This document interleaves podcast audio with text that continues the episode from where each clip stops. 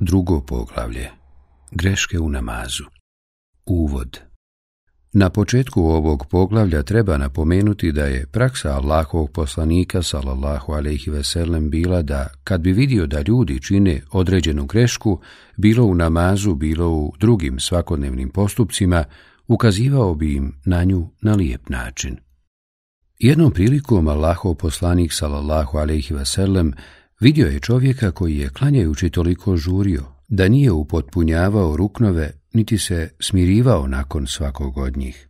Allaho poslanik salallahu alaihi vaselem više ga je puta vraćao da ponovi namaz, govoreći mu Vrati se i ponovi namaz, ti zaista nisi klanjao. Pa kad je nakon tri vraćanja zatražio od poslanika da ga poduči namazu, poslanik salallahu alaihi vaselem rekao je kada staneš da klanjaš, donesi početni tekbir, zatim prouči od Kur'ana ono što ti je najlakše, otiđi na ruku i ostani dok se potpuno ne smiriš. Zatim se vrati s rukua dok se potpuno ne ispraviš, otiđi na seđdu i ostani na njoj dok se potpuno ne smiriš. Potom se vrati sa seđde i ostani u sjedećem položaju dok se potpuno ne smiriš, te ponovo učini seđdu i ostani dok se potpuno ne smiriš i tako postupaj dok ne završiš s namazom. Kad isbilježe Buhari i Muslim. U prilog spomenutom ide i događaju u kojem se navodi da je čovjek klanjao u džematu sa Allahovim poslanikom, pa je progovorio u namazu, te ga je poslanik sallallahu alejhi ve podučio i ukazao na njegovu grešku. Muavija ibn Hakem es Sulemi radijallahu anhu kazuje dok sam klanjao za Allahovim poslanikom, salallahu alaihi neki čovjek kihnu, te mu rekoh, Allah ti se smilovao, a ljudi me prostijeliše pogledima.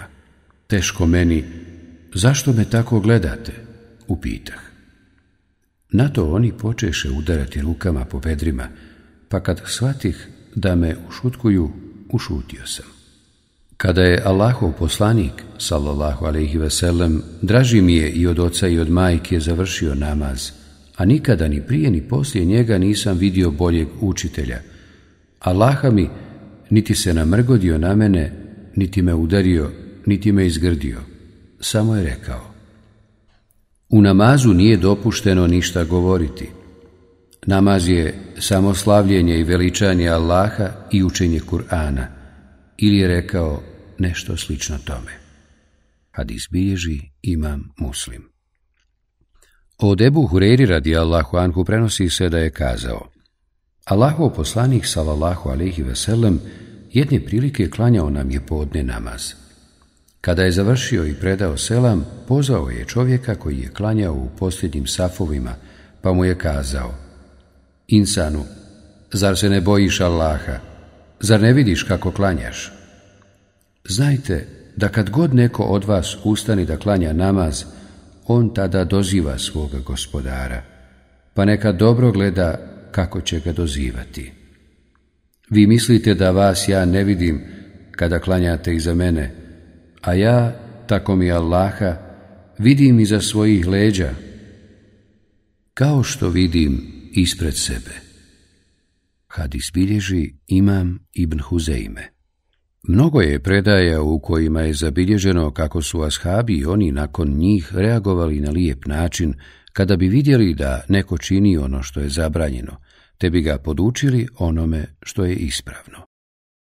Sam Huzeyfe radi Allahu Anhu tražio je od poslanika sallallahu alaihi veselem da ga poduči zlu. Ljudi su poslanika sallallahu alaihi veselem pitali o dobru, ja sam ga pitao o zlu bojeći se da me ne zadesi. Hadis bilježi imam Buhari. Shodno tome smatram da je korisno da insan, iako ne čini greške u namazu, bude upoznat s onima koje čine drugi, kako ih prvenstveno i on ne bi počeo činiti, ali kako bi i druge mogao na lijep način upozoriti da čine nešto pogrešno. Veliki broj učenjaka današnjice pisao je zasebna dijela o greškama klanjača. Neki su pisali o greškama u određenoj vrsti namaza, kao što je džuma ili dženaza namaz, neki o greškama u taharetu, gusulu i abdestu, a neki samo o greškama u toku namaza.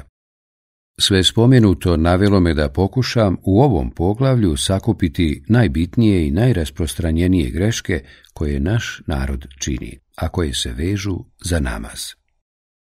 Tokom ukazivanja na greške, znajući da je ovo osjetljiva tema, trudit ću se koliko sam u mogućnosti da ne proglašavam greškom neki od postupaka koji zastupa neka pravna škola, osim ako je to zaista u koliziji s jasnim dokazima.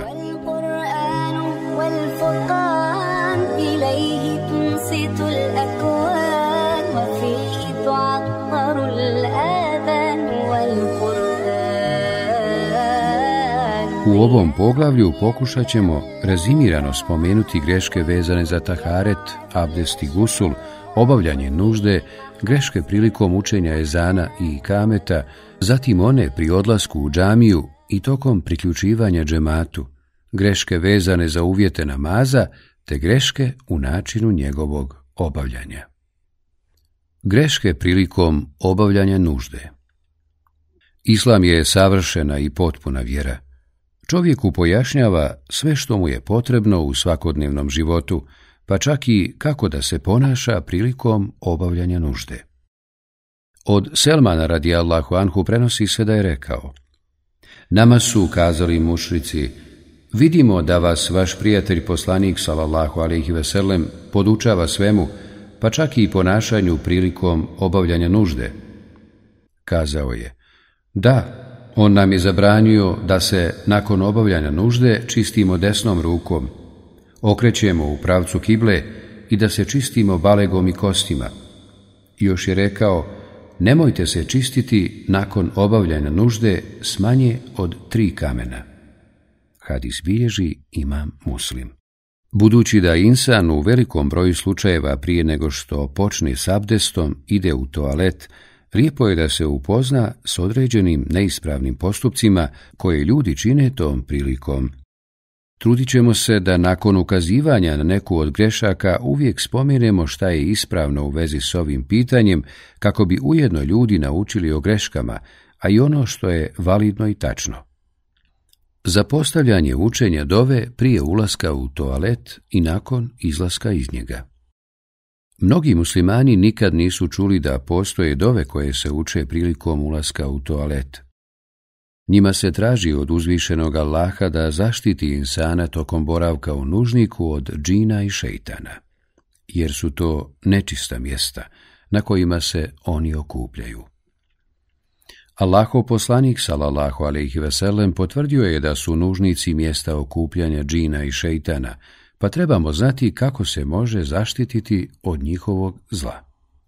Od Zejda ibn Erkama radi Allahu Anhu prenosi se da je Allahov poslanik salallahu alaihi veselem rekao Doista su nužnici, sva mjesta za obavljanje velike i male nužde, mjesta okupljanja šeitana, zato kad neko od vas uđe u takvo mjesto, neka kaže Allahumma inni e'udhu bike minel hubthi, u drugom rivajetu minel hubusi, vel habais, gospodaru, sačuvaj me muških i ženskih džina i šeitana.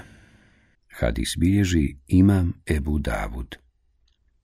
Prije nego što čovjek uđe u nužnik, propisano je da kaže Bismillah, kako bi onemogućio džinima i šejtanima viđenje njegovih stidnih dijelova tijela. Od Alije radi Allahu Anhu prenosi se da je Allahov poslanik salallahu alaihi veselem rekao Zastor između džinskih očiju i stidnih dijelova Ademovih potomaka jeste da prilikom ulaska u nužnik kažu Bismillah.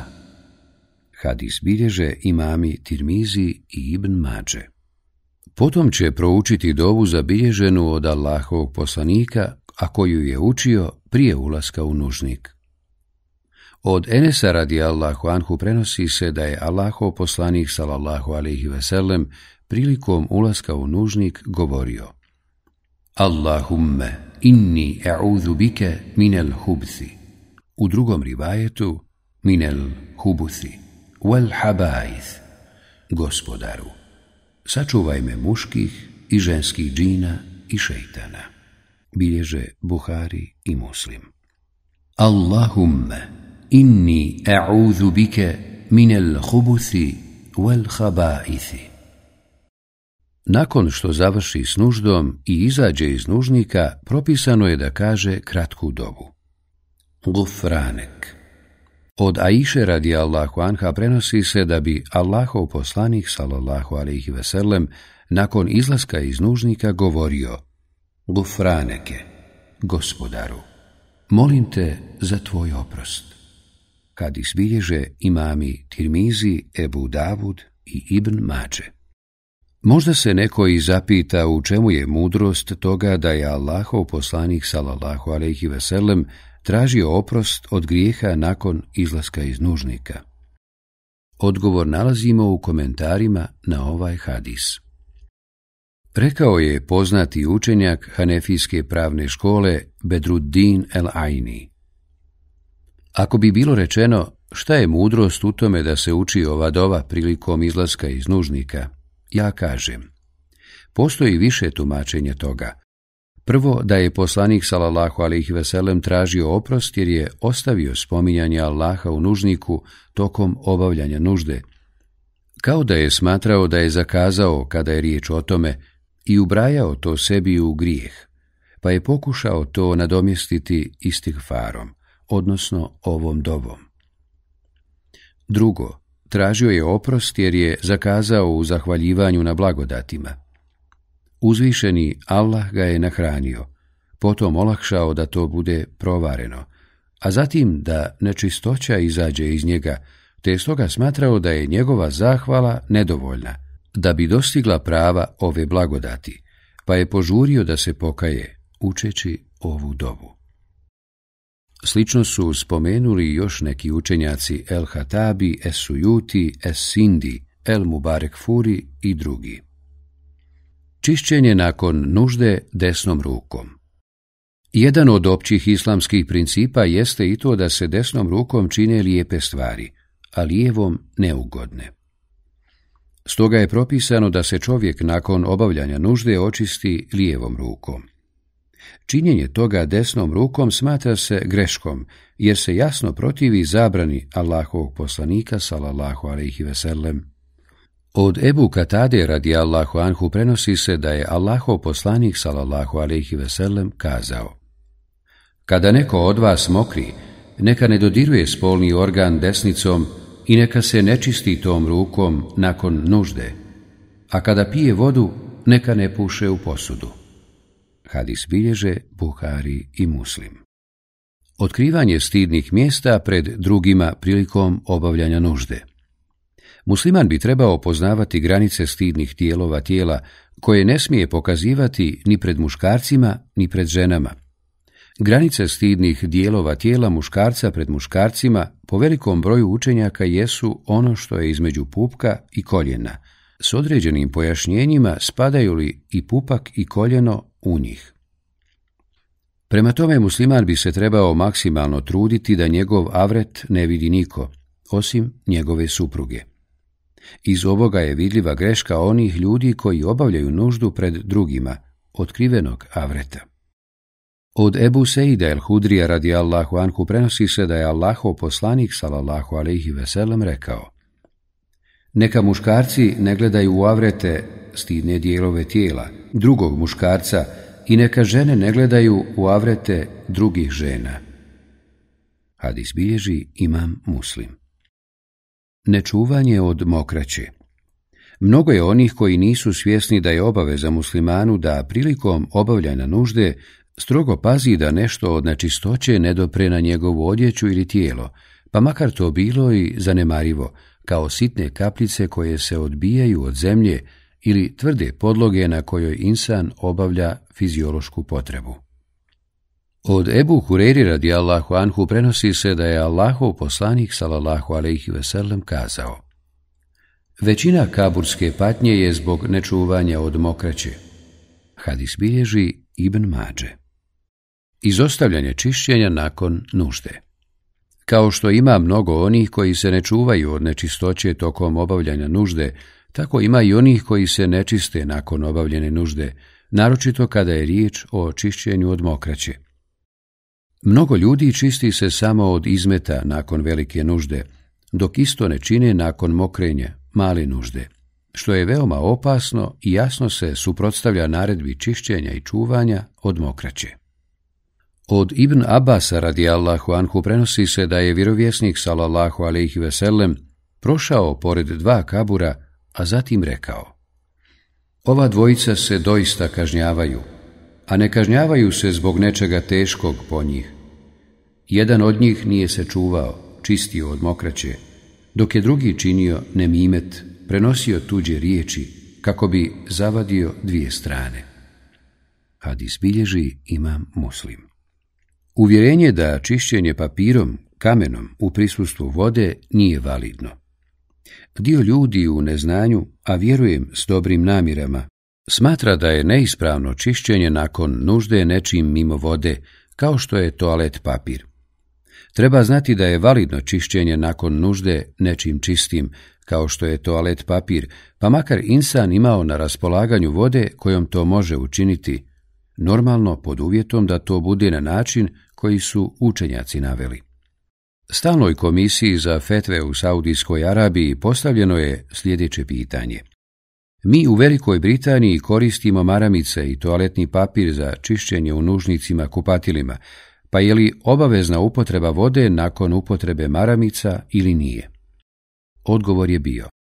Dozvoljena je upotreba maramica, papira i sličnog u čišćenju nakon nužde i to je dovoljno ako očiste mjesto nečistoće, bez obzira na to je li riječ o prednjem ili stražnjem otvoru.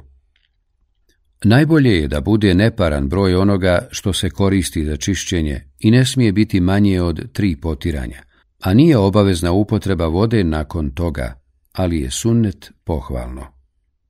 Ako je Allahov poslanik, salallahu alaihi veselem, dopustio da se ljudi u njihovom vremenu čiste od obje fiziološke potrebe kamenom, onda je mnogo prioritetnije da je to dopušteno činiti maramicom, znajući koliko je čišćenje papirom efikasnije i potpunije od čišćenja kamenom.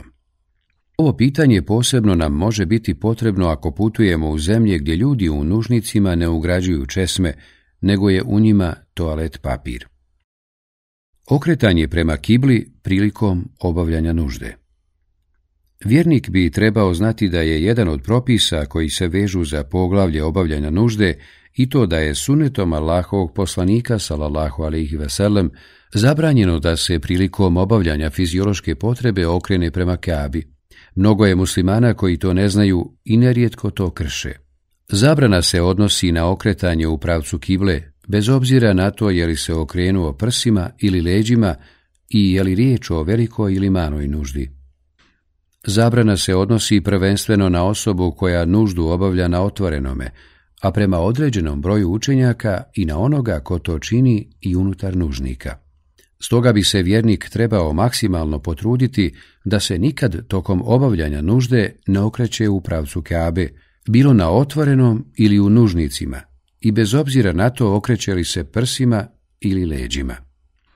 Od Ebu Ejuba radi Allahu Anhu prenosi se da je kazao Rekao je Allahov poslanik sallallahu alaihi sellem kada neko od vas uđe u mjesto obavljanja nužde, nemojte se okretati prema kibli, ni prsima, ni leđima, činili malu ili veliku nuždu, nego se okrenite istočno ili zapadno.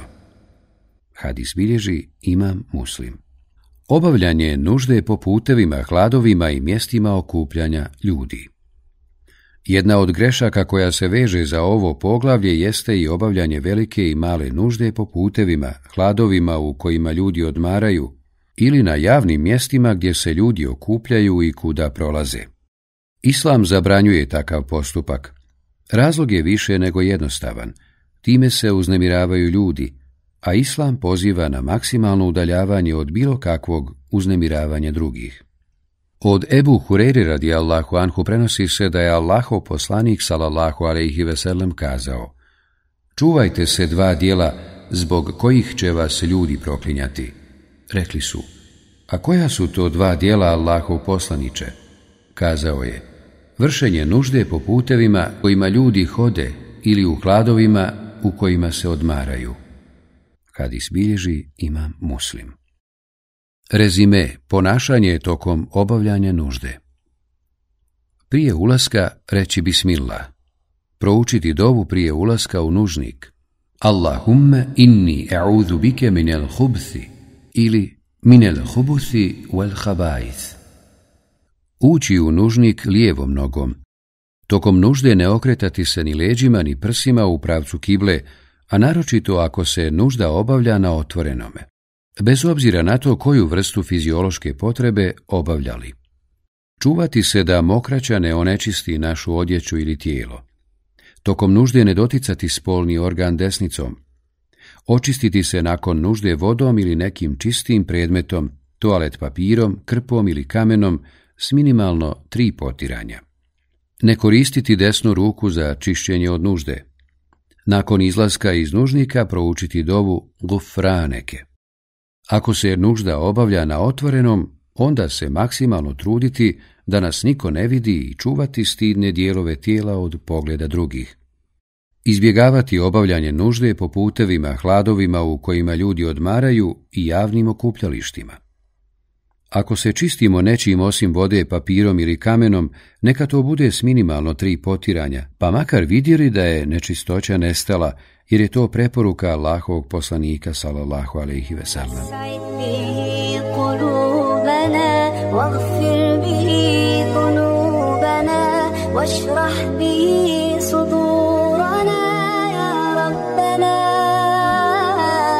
Greške prilikom uzimanja abdesta.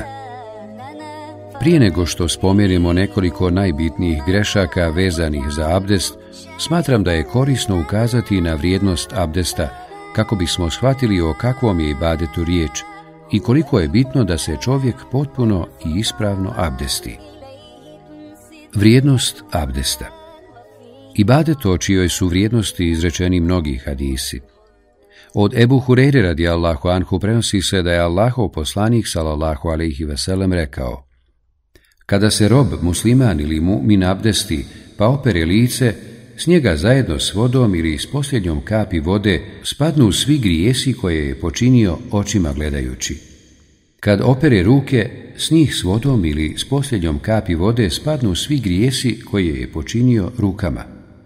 Kad opere noge, s njih s vodom ili s posljednjom kapi vode spadnu svi grijesi koje je počinio nogama, tako da nakon abdesta izađe čist od grijeha. Hadis bilježi imam muslim. Uvjet za ispravnost namaza Od Ebu Hureyri radi Allahu Anhu prenosi se da je Allaho poslanik sallallahu alaihi veselem rekao Uzvišeni Allah neće primiti namaz nekog od vas koji je izgubio abdest sve dok ga ne uzme ponovo. Kad bilježi imam Buhari. Dakle, vjernik i vjernica trebali bi se potruditi da upotpune abdest zato što im od toga zavisi validnost namaza, te čuvati se i grešaka kojima abdest mogu dovesti u pitanje, a samim time i validnost namaza. Zato ćemo spomenuti nekoliko grešaka vezanih za abdest uz napomenu da one nisu na istom stepenu. Za neke se može reći da su novotarije, za neke da umanjuju nagradu abdesta, a neke mogu uzrokovati njegovu neispravnost, a potom i neispravnost namaza. Izgovaranje nije ta naglas. Dio ljudi prilikom uzimanja abdesta izgovara nijet na glas. Takav postupak je neutemeljen i smatra se novotarijom. Allahov poslanik salallahu alaihi veselem, njegovi ashabi te prve tri najbolje generacije nisu to činili. To je dovoljno da se to djelo proglasi neutemeljenim i novotarijom. Kazao je Ibnu Kajim. Poslanik salallahu alaihi veselem nije govorio na početku abdesta. Nije tim odstranjivanje pravne nečistoće, niti želim se spremiti za namaz. To nije govorio on, niti bilo ko od njegovih ashaba. O tome se ne prenosi od poslanika, salallahu alihi veselem, ni jedno slovo, ni s lancem prenosilaca, ni sa slabim. Mjesto nijeta je srce i nema potrebe da se izgovara na glas. Učenje abdesnih dova Prilikom abdesta i pranja svakog dijela tijela neki uče posebne dove. U praksi Allahovog poslanika, salallahu alaihi veselem, ne nalazimo dokaz za to. To je također uvedena stvar u vjeri i nema utemeljenja u Kur'anu ni u sunnetu Allahovog poslanika. Ljudi nisu svjesni da uvođenjem takvih stvari mogu i sebi i drugima napraviti veliku poteškoću, iako imaju dobru namjeru. Zamislite kako je insanu koji se želi podučiti namazu kada mu neko spomene učenje abdestnih tova na arapskom jeziku. Rekao je ka Kajim. Nije preneseno da je poslanik sallallahu alaihi veselem učio na početku abdesta nešto mimo pismile i svi hadisi o tome da je izgovarao nešto mimo toga laž su na njega. Allahu poslanik sallallahu alaihi veselem ništa od toga nije rekao, niti je umet podučio tome. Od njega je potvrđeno samo izgovaranje bismile na početku abdesta. Isto tako riječi Ešhedu en la ilaha illallahu wa enne Muhammeden abdullahi wa rasuluhu.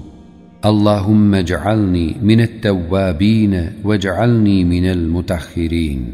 Na kraju abdesta. Ostavljanje propisanih dova prije i nakon abdesta. Ova greška potpuno je suprotna od prethodne. Ovdje želimo spomenuti da je mnogo muslimana koji se abdeste, možda i uče abdestne dove prilikom pranja svakog organa, a za koje smo konstatovali da nemaju utemeljenje, a ne uče one dove koje su zabilježene od Allahovog poslanika, salallahu alaihi veselem. Lijepo je početi abdest s bismilom. Od Ebu Hureyre radijallahu anhu prenosi se da je Allahov poslanik salallahu alaihi veselem rekao Nema namaza ko nema abdesta, niti ima abdesta ko ne spomene Allahovo ime, bismillah, pri uzimanju abdesta. Hadis bilježe imami Ahmed i Ibn Mađe. Ispravno razumijevanje ovog hadisa jeste da je abdest u kojem se ne spomene bismillah validan, ali nije potpun. Ako bi se dogodilo da insan zaboravi bismilu na početku abdesta, njegov je abdest validan i može klanjati. Ne postoje nikakvi zikrovi ni dove koji se uče tokom abdesta. Nakon što se čovjek potpuno očisti i u potpuni abdest, proučit će dovu koju je preporučio Allahov poslanik salallahu alaihi veselem, i za čije je učenje obećao veliku nagradu. Ko se od vas abdesti, pa abdest upotpuni, a zatim izgovori Ešhedu en la wa Muhammeden abdullahi wa rasuluhu. Svjedočim da nema drugog Boga osim Allaha i da je Muhammed njegov rob i njegov poslanik. Biće mu otvoreno osam džennetskih vrata, da uđe na koja hoće. Hadis bilježi imam muslim. Imam Tirmizi zabilježio je predaju ovog hadisa u kojoj se spominje dodatak koji se izgovara nakon prethodno spomenute dove, a koji glasi Allahumma ja'alni minet tawabine waj'alni minel mutetahirin Gospodaru moj, učini me od onih koji se mnogo kaju i od onih koji se mnogo čiste. Hadis bilježi imam Tirmizi. Smatrati pokuđenim razgovor tokom uzimanja abdesta. Neki muslimani smatraju zabranjenim ili pokuđenim razgovor tokom uzimanja abdesta. Tako ćemo vidjeti da su srditi ako ih neko nešto pita dok se abdeste. U vjerskim izvorima sigurno nećemo naći ni jedan vjerodostojan hadis koji potvrđuje da je Allahov poslanik sallallahu alejhi ve sellem zabranio govor tokom uzimanja abdesta ili ga barem smatrao pokuđenim, a s druge strane razgovarao bi tokom uzimanja abdesta kad bi zatim imao potrebu. Od Mugire ibn Šu'be radi Allahu Anhu prenosi se da je rekao Bio sam sa Allahovim poslanikom sallallahu alihi veselem na putovanju, pa sam se sagnuo da mu skinem mestve, te je kazao Pusti moje mestve, obuo sam ih pod abdestom. Potom je potrao po njima. Hadis bilježi Imam Buhari. U proširenim verzijama ovog hadisa jasno je spomenuto da je poslanik rekao ove riječi nakon što je potrao glavu prilikom uzimanja abdesta. Upitan je šejih Muhammed ibn Salih el Useimin o propisu razgovora tokom uzimanja abdesta, pa je odgovorio. Nije pokuđen ali u stvarnosti dekoncentriše onoga ko se abdesti. Onaj ko uzima abdest trebao bi prilikom pranje ruku razmišljati o tome da izvršava ono što mu je uzvišeni Allah naredio. Isti nijet trebao bi imati prilikom pranje ruku, potiranja po glavi, pranje stopala. Ako se dogodi da insan tokom uzimanja abdesta razgovara s nekim, sigurno će se njegovo razmišljanje, koncentracija prekinuti. Ili će mu to smetati, ili će biti razlog šeitanskog došaptavanja. Zato je prioritetnije da tada ne razgovara ni s kim, ali ako bi razgovarao ne bi napravio nikakav prekršaj. Rasipanje vode prilikom uzimanja abdesta. Živimo u vremenu kada ljudi svakodnevno rasipaju vodu. Allahov poslanik, salallahu alaihi veselem, pozivao je na štednju vode prilikom abdesta i gusula, a praksom je to i pojasnio. U vjerodostojnim predajama stoji da se poslanik salallahu alaihi veselem abdestio iz posude u koju može stati jedna pregršt vode, mud. A kupao bi se iz posude veličine četiri pregršti, to jest jednog saa. Od Enesa radi Allahu Anhu prenosi se da je rekao Allahov poslanik salallahu alaihi veselem abdestio bi se jednim muddom vode, a kupao jednim saom, pa do pet mudova hadis bilježe Buhari i Muslim. Spomenuto je u Kuvajtskoj pravnoj enciklopediji. Islamski učenjaci jednoglasni su u mišljenju da je rasipanje vode pokuđen postupak. Šejh El Useimin kaže Trebamo znati da je pretjerivanje u korištenju vode tokom uzimanja abdesta ili gusula obuhvaćeno riječima uzvišenog Allaha. I ne rasipajte, jer on ne voli rasipnike. Sura el anam 141. ajet. Stoga su učenjaci i govorili da je rasipanje vode pokuđeno, pa makar čovjek bio na rijeci. Neki učenjaci dokazivali su ovu tezu poznatim hadisom, o čijoj vjerodostojnosti postoji veliko razilaženje među učenjacima. Od Abdullaha ibn Amra Allahu anhu prenosi se da je Allaho poslanik, salallahu alaihi veselem, prolazio pored sada, koji je uzimao abdest, pa mu je rekao Kako je to rasipanje vode? Sad upita Zar se i prilikom uzimanja abdesta može rasipati voda? Poslanik reče Da, pa makar bio na obali rijeke. Kad isbilježe imami Ahmed i Ibn Mađe. Nepoznavanje granica lica – Vjernik bi trebao znati da je jedan od osnovnih segmenata abdesta pranje lica. Nepoznavanje granica lica može uzrokovati neispravnost abdesta, a potom i namaza. Kaže uzvišeni Allah, O vjernici, kada hoćete molitvu obaviti, lica svoja i ruke svoje do iza operite, a dio glava svojih potarite i noge svoje do iza članaka Sura El Maide, šesti ajet. Dio lica koji se treba oprati precizno je definisan u knjigama islamskih učenjaka, pa nepoznavanje toga može uzrokovati nepotpunost rukna, osnovnog dijela abdesta, a potom i neispravnost abdesta. Islamski učenjaci jasno su definisali granice lica koje se moraju oprati prilikom abdesta.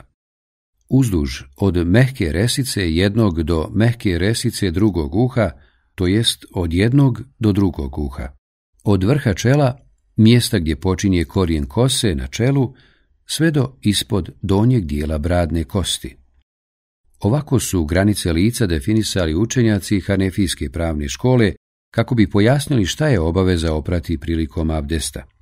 Prema tome obaveza je oprati sve što potpada pod spomenuti opis. Neki ljudi ne peru cijelo lice uzduž, ili ga ne operu poprijeko, ili pak ne operu gornji ili donji dio lica. Da bi abdest bio potpun, obaveza je oprati cijelo lice, obuhvatajući sve što je spomenuto unutar njegovih granica.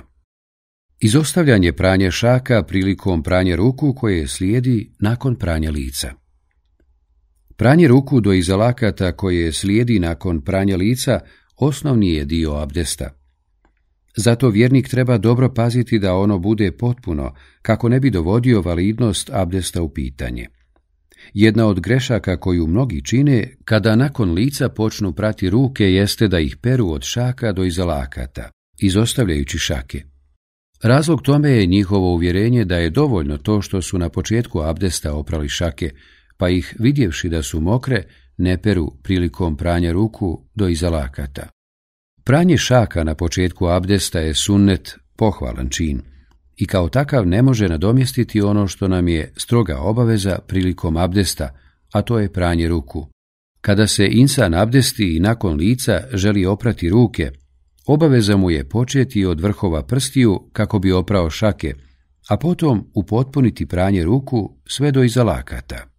O ovom pitanju šejh El Useimin je rekao – Ovdje treba ukazati na veoma bitnu stvar u vezi s kojom su mnogi nemarni. Kada peru ruke nakon pranja lica tokom abdesta, mnogi to čine od šaka do izalakata, smatrajući da su šake već oprali prije pranja lica, a to nije ispravno. Obaveza je nakon pranja lica oprati ruke od vrhova prstiju pa sve do izalakata.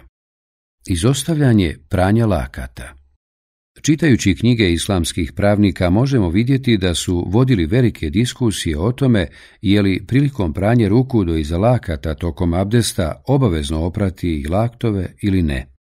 Tačno je, a Allah najbolje zna, da naredba pranje ruku spomenuta u riječima uzvišenog O vjernici, kada hoćete molitvu obaviti, lica svoja i ruke svoje do iza lakata operite, a dio glava svojih potarite – i noge svoje do iza članaka. El majde šesti ajet obuhvata cijelu ruku od vrhova prstiju sve do iza lakata. Ako smo to ispravno shvatili, onda je obaveza ukazati na grešku kod ljudi koji ne peru laktove zato što nisu dobro zagrnuli rukave ili ne žele pokvasiti zavrnutu odjeću, pa tako ne upotpune pranje ruku bez kojeg abdest nije validan. Zato trebamo voditi računa o tome da prilikom pranja ruku koje slijedi nakon pranja lica tokom abdesta operemo ruke od vrhova prstiju sve do iza lakata, perući laktove u potpunosti. Kontinuirano izostavljanje potiranja po cijeloj glavi. Neki ljudi tokom uzimanja abdesta cijeli život potiru samo dio glave. Poznato je da je mnogo učenjaka koji smatraju da je dovoljno potrati samo dio glave da bi abdest bio validan, i taj stav zastupali su učenjaci Hanefijske pravne škole, ali i oni su sami spomenuli da je praksa Allahovog poslanika bila potiranje cijele glave i da se kontinuirano ostavljanje tog suneta smatra greškom. U sunetu Allahovog poslanika salallahu alihi jasno se ukazuje na to da je on prilikom uzimanja abdesta potirao cijelu glavu, u podužem hadisu u kojem se opisuje abdest Allahovog poslanika sallallahu alejhi Veselem kaže se: Potom je potrao po glavi, pomjerajući šake naprijed i nazad. Počeo je od čela, pa je potirući glavu rukama otišao do potiljka, a potom vratio ruke do mjesta odakle je i počeo čelo. Hadis bilježe Buhari i Muslim. Govoreći o sunnetima abdesta u hanefijskom meshebu, Ibn Maze el Marginani kazao je Sunnet je da se prilikom potiranja obuhvati cijela glava. Ebu Berekat en Nesefi kaže I potiranje cijele glave jedan put. Nabrajajući sunnete abdesta, Muhammed Faramurz Mulahusrev rekao je Jedan put potrati cijelu glavu, neki učenjaci Hanefijske pravne škole smatrali su da je griješan onaj ko u kontinuitetu ostavlja potiranje cijele glave, kao što je slučaj s mnogim našim sunarodnjacima. Ibn Abidin je rekao, i potrati cijelu glavu jedanput, obuhvatajući je, pa ako bi kontinuirano ostavljao ovaj sunnet, bio bi griješan. Njegove riječi, obuhvatajući je, pojašnjavaju da je to sunnet, kao što je ustvrdio u El Fethu, a potom je prenio citat iz Elkinije, u kojem se navodi da bi bio griješan onaj ko bi bez validnog razloga kontinuirano ostavio potiranje cijele glave. Rekao je, kao da je to zbog njegovog izbjegavanja sunneta. Insan bi trebao slijediti stalnu praksu Allahovog poslanika, salallahu alaihi veselem, prilikom abdesta i potirati cijelu glavu, tako bi izašao iz razilaženja učenjaka, jer će ako bude potirao samo dio glave, biti obuhvaćen i kritikom onih koji su smatrali obaveznim potiranje cijele glave i onih koji su dopustili potiranje samo dijela glave, ali da se to ne čini kontinuirano. Izostavljanje pranja peta prilikom pranje nogu. Od vremena poslanika sallallahu alejhi ve do danas Postoje ljudi koji tokom uzimanja abdesta ne peru pete. Pranje nogu, što obuhvata pranje cijelog stopala sve do iza članaka, jedan je od osnovnih dijelova abdesta, bez čijeg upotpunjenja nije validan. Od Abdullaha ibn Amra radi Allahu Anhu prenosi se da je rekao Bili smo na povratku iz Meke ka Medini, pa smo se zaustavili na mjestu s vodom i ljudi su požurili da se abdeste kako bi klanjali ikindiju. Abdestili su se žureći, a mi smo došli do njih. Vidjevši da su im pete suhe i da ih nije dotakla voda, Allahov poslanik, salallahu alaihi veselem, rekao je Teško petama od vatre i upotpunite abdest. Kad izbježi imam muslim. Poznati hanefijski učenjak Bedruddin el Aini kaže Teško petama od vatre Prijetnja koja se ne može shvatiti osim ako je izostavljen neki farz pri abdestu, a to obavezuje na sveobuhvatno pranje nogu. Shodno tome insan treba paziti da u potpuni abdest perući stopala u potpunosti, što obuhvata pete i stopala sve do iznad članaka. Tako će izbjeći da bude od onih koje obuhvata ova velika prijetnja. Učenje sure El Qader nakon abdesta Neosnovan postupak koji se veže za abdest je učenje sure El Qader, inna enzelnahu, nakon abdesta. Prethodno smo spomenuli riječi Ibnul Kajima da ne postoji vjerodostojna predaja da je poslanik salallahu alaihi veselem učio nešto nakon abdesta osim ranije spomenute dove. Oni koji zagovaraju učenje sure El Kader nakon abdesta dokazuju to ništavnim hadisom koji nije dopušteno pripisivati Allahovom poslaniku, salallahu alaihi veselem. Rekao je šejh Albani, hadis ko nakon abdesta prouči inna enzelnahu fi lejletil qadr jedan put, bit će jedan od iskrenih, a ko je prouči dva puta, bit će upisan u registar šehida, a ko je prouči tri puta, uzvišeni Allah proživjet ga s Ovaj hadis je apokrifan. Smatrati da je obaveza svaki dio tijela tokom abdesta oprati po tri puta. Među nekim ljudima vlada pogrešno uvjerenje koje ih ponekad može dovesti u nezgodnu situaciju, da se nije dopušteno abdestiti osim da se svaki dio tijela opere po tri puta. U sunnetu Allahovog poslanika, salallahu alaihi veselem, nalazimo da je uzimao abdest na četiri načina – iako je najčešće praktikovao svaki dio tijela oprati po tri puta, ali to ne isključuje validnost i dozvoljenost drugih načina. Pod A. Svaki dio tijela koji se pere prilikom uzimanja abdesta opere se jedan put. Ibn Abbas radi Allahu anhu prenosi da je Allahov poslanik salallahu alaihi veselem uzimao abdest tako što je svaki dio tijela oprao po jedan put. Hadis bilježi Imam Buhari. Pod b. Svaki dio tijela koji se pere prilikom uzimanja abdesta opere se dva puta. Abdullah ibn Zaid radi Allahu anhu prenosi da je Allahov poslanik salallahu alaihi veselem uzimao abdest tako što je svaki dio tijela oprao po dva puta. Hadis bilježi imam Buhari. Pod C.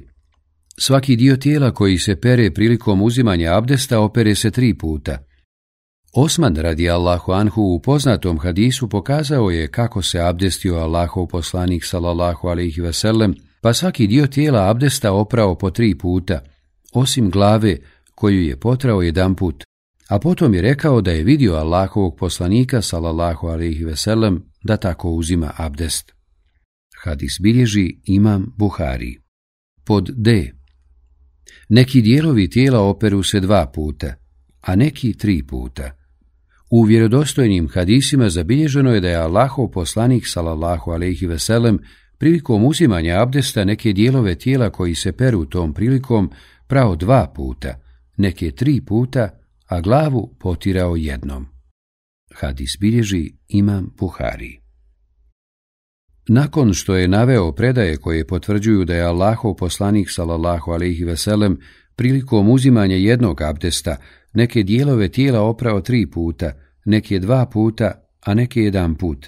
Imam Tirmizi rekao je. Spomenuto je u više hadisa da se Allahov poslanik sallallahu alihi veselem abdestio tako da je neke dijelove tijela oprao jedan put, a neke tri puta.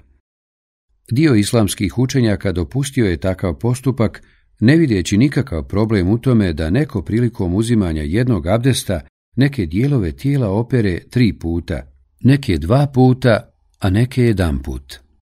Na osnovu spomenutog zaključujemo sljedeće.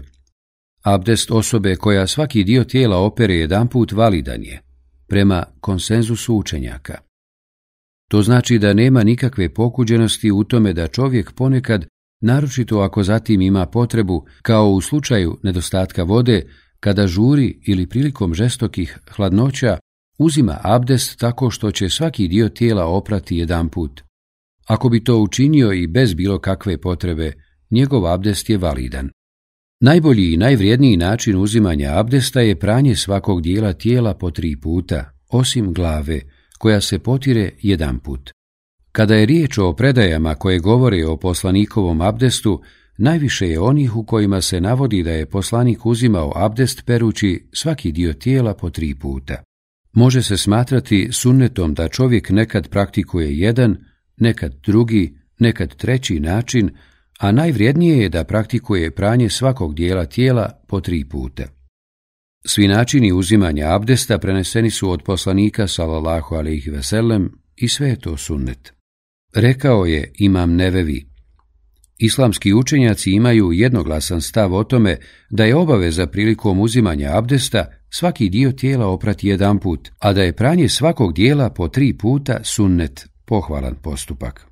Vjerodostojni hadisi potvrđuju pranje svakog dijela tijela prilikom uzimanja abdesta jedan put, po dva puta, po tri puta, te da je tokom uzimanja jednog abdesta neke dijelove tijela poslanik salallahu alaihi veselem prao tri puta, neke dva puta, a neke jedan put.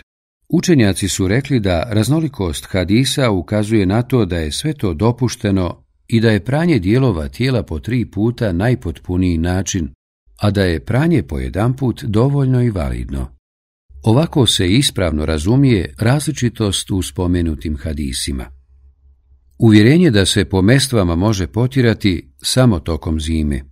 Za olakšicu potiranja po mestvama ili čarapama dio muslimana smatra da je isključivo vezana za zimu.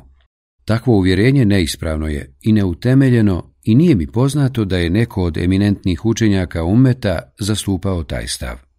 Hadisi koji govore o olakšici potiranja po mestvama i čarapama općeg su karaktera i niko nema pravo svesti tu općenitost na određeno godišnje doba. Prenosi se od Šurejha ibn Hanija da je rekao Došao sam kod Aiše radi Allahu Anha i pitao je o potiranju po mestvama, pa mi je kazala Obrati se za to pitanje Ali radi Allahu Anhu. On je s poslanikom salallahu alaihi veselem putovao, pa sam ga i upitao.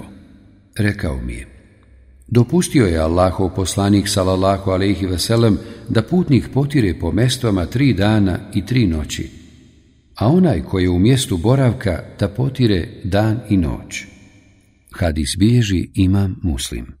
Kada je upitano o potiranju po mestvama tokom ljeta i je li potiranje svojstveno samo za zimu, šejh Abdulaziz ibn Baz kazao je Općenitost vjerodostojnih hadisa koji govore o dozvoli potiranja po mestvama i čarapama ukazuje da je dopušteno potirati i ljeti i zimi. Nije mi poznat šerijatski dokaz koji ukazuje da je taj propis specifičan samo za zimu. Smatrati da abdest biva pokvaren nečim zašto ne postoji dokaz.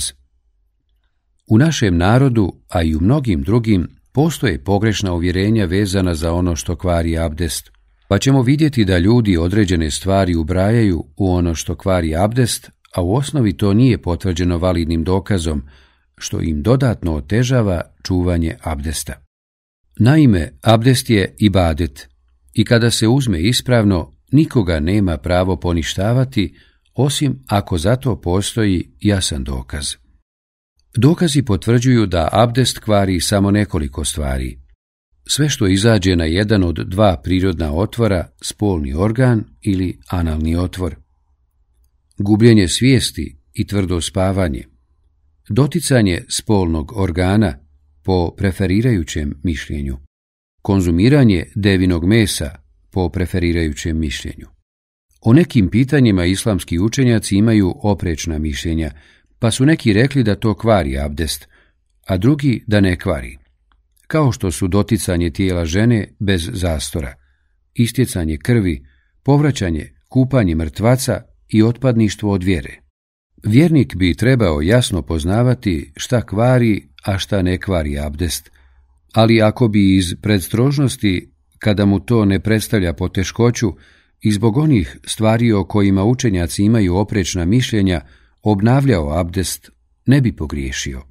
Nakon što je spomenuo stvari koje po njegovom mišljenju kvari abdest, šejh Salih Feuzan, El Feuzan, rekao je Postoje stvari, pitanja u vezi s kojima učenjaci imaju oprečne stavove kvar ili abdest ili ne, kao što su doticanje spolnog organa, doticanje žene sa strašću, kupanje mrtvaca, otpadništvo od islama.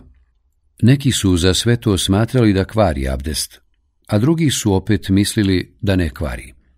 Sva ova pitanja podložna su razilaženju i ičtihadu, ali ako bi insan zbog svih ovih stvari uzimao abdest, izlazeći na taj način iz razilaženja učenjaka, lijepo bi postupio.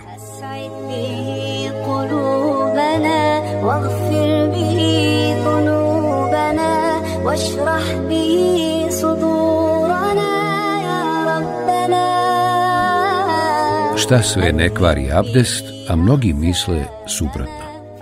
U nastavku ćemo spomenuti nekoliko stvari koje ljudi često ubrajaju u ono što kvari abdest, a u osnovi to ne postoji validan dokaz, niti je to spomenuo neko od učenjaka. Mnogo je onih koji ne mogu shvatiti da nije svaka zabranjena stvar ujedno i ono što kvari abdest, pa im to predstavlja veliki problem u razumijevanju ove tematike. Ne postoji uzročno-posljedična veza između zabranjenih stvari i onoga što kvari abdest. Da bismo za određenu stvar rekli da kvari abdest, moramo zato imati jasan dokaz iz Kur'ana ili sunneta. Prvo, vulgaran govor. Vulgaran govor kao i psovke, osim oni za koje su učenjaci rekli da su dijelo koje izvodi iz vjere, ne kvari abdest. Međutim, to ne znači da je dozvoljeno izgovarati vulgarne riječi i psovati. Drugo, dodirivanje nečistoće ne kvari abdest. Osoba koja dotakne nečistoću treba je ukloniti prije nego što počne s namazom, ali samo doticanje nečistoće ne kvari abdest. Treće, odsjecanje nokata, šišanje kose i uklanjanje dlaka ispod pazuha ne kvari abdest. Četvrto, Konzumiranje duhana ne kvari abdest, međutim to ni u kojem slučaju ne znači da je ono dozvoljeno. Naprotiv, zabranjeno je na osnovu mnogih dokaza koji zabranjuju konzumiranje štetnih stvari i nanošenje štete sebi i drugima. Peto. Gledanje u žene ne kvari abdest, bez obzira na to je li riječ o supruzi ili nekoj ženi s kojom muškarac može stupiti u brak, vidi li ono što mu je dozvoljeno ili ono što mu nije dozvoljeno vidjeti. Također, to ni u kojem slučaju ne znači da je dozvoljeno gledati žene strankinje. Šesto. Skidanje mahrame, hijaba, kada je riječ o ženama, ne kvari abdest, pa makar to bilo pred onim ko ne smije vidjeti njen avret. To ni u kojem slučaju nije odobravanje otkrivanja žene pred muškarcima koji s njom mogu sklopiti brak. Sedmo.